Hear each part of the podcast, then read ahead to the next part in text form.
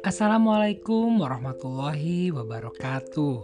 Selamat datang kembali di podcast Teman Belajar. Pada episode ini, kita akan membahas mengenai hakikat kurikulum secara umum. Tentu, kita sering sekali mendengar kata kurikulum. Namun, sebenarnya apa itu kurikulum? Sebagian dari kita mungkin langsung terpikir bahwa kurikulum itu sejenis perangkat pembelajaran seperti silabus atau rencana pembelajaran yang biasa dikembangkan oleh guru. Yap, itu tidak salah. Pada tataran praktis, memang kurikulum adalah pedoman dalam kegiatan pembelajaran. Namun, pada hakikatnya, kurikulum itu sebetulnya luas sekali maknanya. Perannya, fungsinya, dan kedudukannya dalam sistem pendidikan.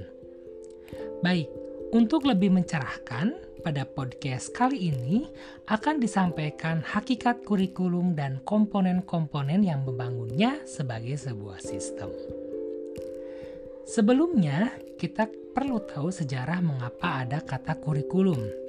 Jadi, istilah kurikulum pada awalnya digunakan dalam dunia olahraga berasal dari bahasa Yunani dari kata kurir atau yang berarti pelari dan kurere yang berarti tempat berpacu. Pada saat itu, kurikulum diartikan sebagai jarak yang harus ditempuh oleh seorang pelari mulai dari start sampai finish untuk memperoleh medali atau penghargaan. Kemudian pengertian tersebut diterapkan dalam dunia pendidikan menjadi sejumlah mata pelajaran yang harus ditempuh oleh seorang siswa dari awal sampai akhir program pelajaran untuk memperoleh penghargaan dalam bentuk ijazah salah satunya. Itu adalah pemaknaan yang sederhana dari kurikulum. Selanjutnya, banyak para ahli yang memaknai atau mendefinisikan kurikulum dengan cara yang berbeda. Harold B. Albert misal, misalnya, ia memandang kurikulum itu adalah all of the activities that are provided for the students by the school. Jadi, semua kegiatan yang diberikan kepada siswa di bawah tanggung jawab sekolah, itulah kurikulum. Jadi kurikulum tidak dibatasi pada kegiatan di dalam kelas saja, tetapi mencakup juga kegiatan-kegiatan yang dilakukan oleh siswa di luar kelas. Untuk definisi yang lebih representatif, mari kita lihat definisi dari Undang-Undang Sistem Pendidikan Nasional yang menyatakan bahwa kurikulum sebagai seperangkat rencana dan pengaturan mengenai tujuan, isi dan bahan pelajaran, serta cara yang digunakan sebagai pedoman penyelenggaraan kegiatan pembelajaran untuk mencapai tujuan pendidikan tertentu. Demikian definisi dari Undang-Undang Sistem Pendidikan Nasional. Pada definisi tersebut, kita dapat melihat bahwa kurikulum memiliki fungsi sebagai acuan atau pedoman dalam pelaksanaan pendidikan, baik bagi pendidik peserta didik, orang tua, dan atau masyarakat secara umum. Selanjutnya, jika berbicara mengenai fungsi kurikulum, khususnya bagi siswa, terdapat enam fungsi kurikulum, yaitu fungsi penyesuaian, fungsi integrasi, fungsi diferensiasi, fungsi persiapan, fungsi pemilihan, dan fungsi diagnostik. Fungsi penyesuaian mengandung makna bahwa kurikulum sebagai alat pendidikan harus mampu mengarahkan siswa agar memiliki sifat well-adjusted, yaitu mampu menyesuaikan dirinya dengan lingkungannya, baik lingkungan fisik maupun lingkungan sosial. Fungsi integrasi mengandung makna bahwa kurikulum sebagai alat pendidikan harus mampu menghasilkan pribadi-pribadi yang utuh peserta didik pada dasarnya merupakan anggota dan bagian integral dari masyarakat. Oleh karena itu, peserta didik harus memiliki kepribadian yang utuh untuk dapat hidup dan berintegrasi dengan masyarakatnya. Fungsi diferensiasi mengandung makna bahwa kurikulum sebagai alat pendidikan harus mampu memberikan pelayanan terhadap perbedaan individu peserta didik. Seperti yang kita ketahui bahwa setiap peserta didik memiliki perbedaan, baik dari aspek fisik maupun psikis yang harus dihargai dan dilayani dengan baik. Fungsi persiapan mengandung makna bahwa kurikulum sebagai alat pendidikan harus mampu mempersiapkan peserta didik untuk melanjutkan studi ke jenjang pendidikan berikutnya. Fungsi pemilihan mengandung makna bahwa kurikulum sebagai alat pendidikan harus mampu memberikan kesempatan kepada peserta didik untuk memilih program-program belajar yang sesuai dengan kemampuan dan minatnya. Fungsi diagnostik mengandung makna bahwa kurikulum sebagai alat pendidikan harus mampu membantu dan mengarahkan siswa untuk dapat memahami dan menerima kekuatan atau potensi serta kelemahan yang dimilikinya. Selain memiliki fungsi, kurikulum juga memiliki peran dalam pendidikan dan pembelajaran. Setidaknya, kurikulum memiliki tiga peranan.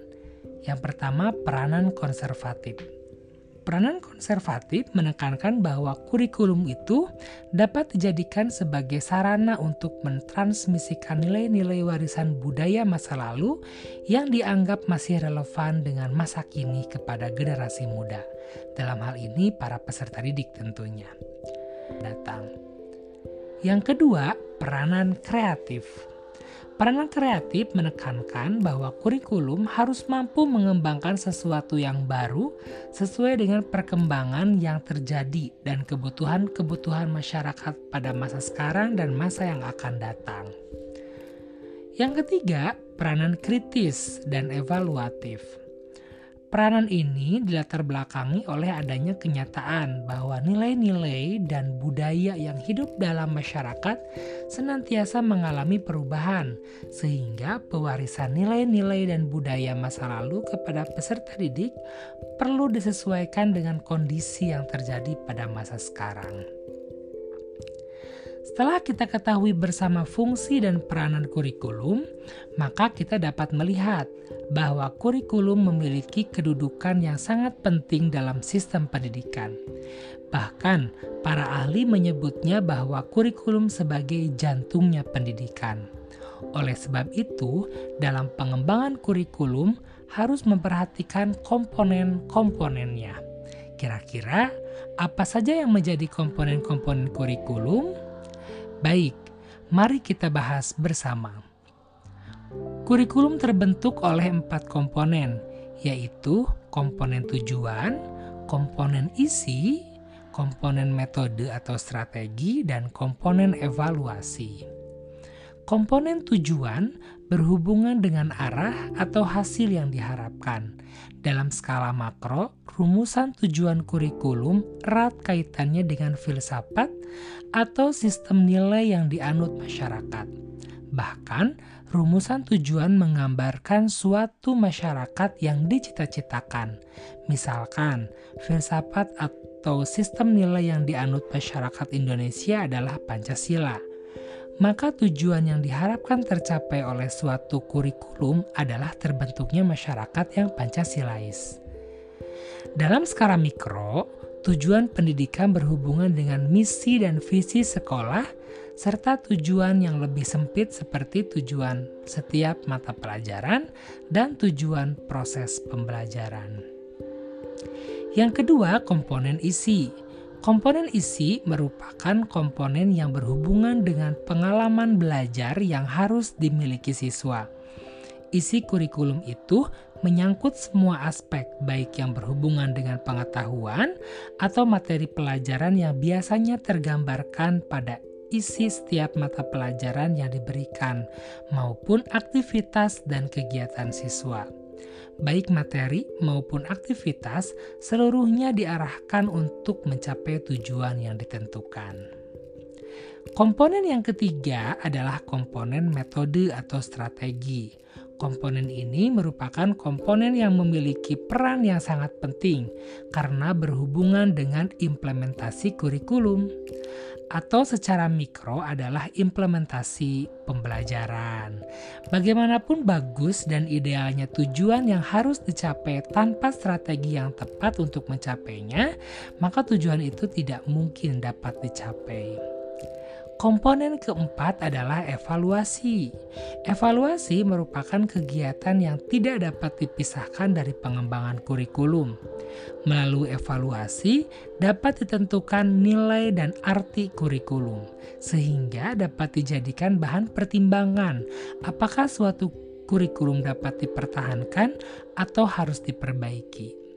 Evaluasi merupakan komponen untuk melihat efektivitas pencapaian tujuan.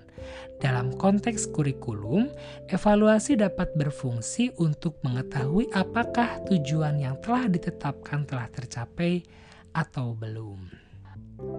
Nah, setelah mengetahui empat komponen kurikulum tersebut, kita dapat menyimpulkan bahwa kurikulum merupakan sebuah sistem.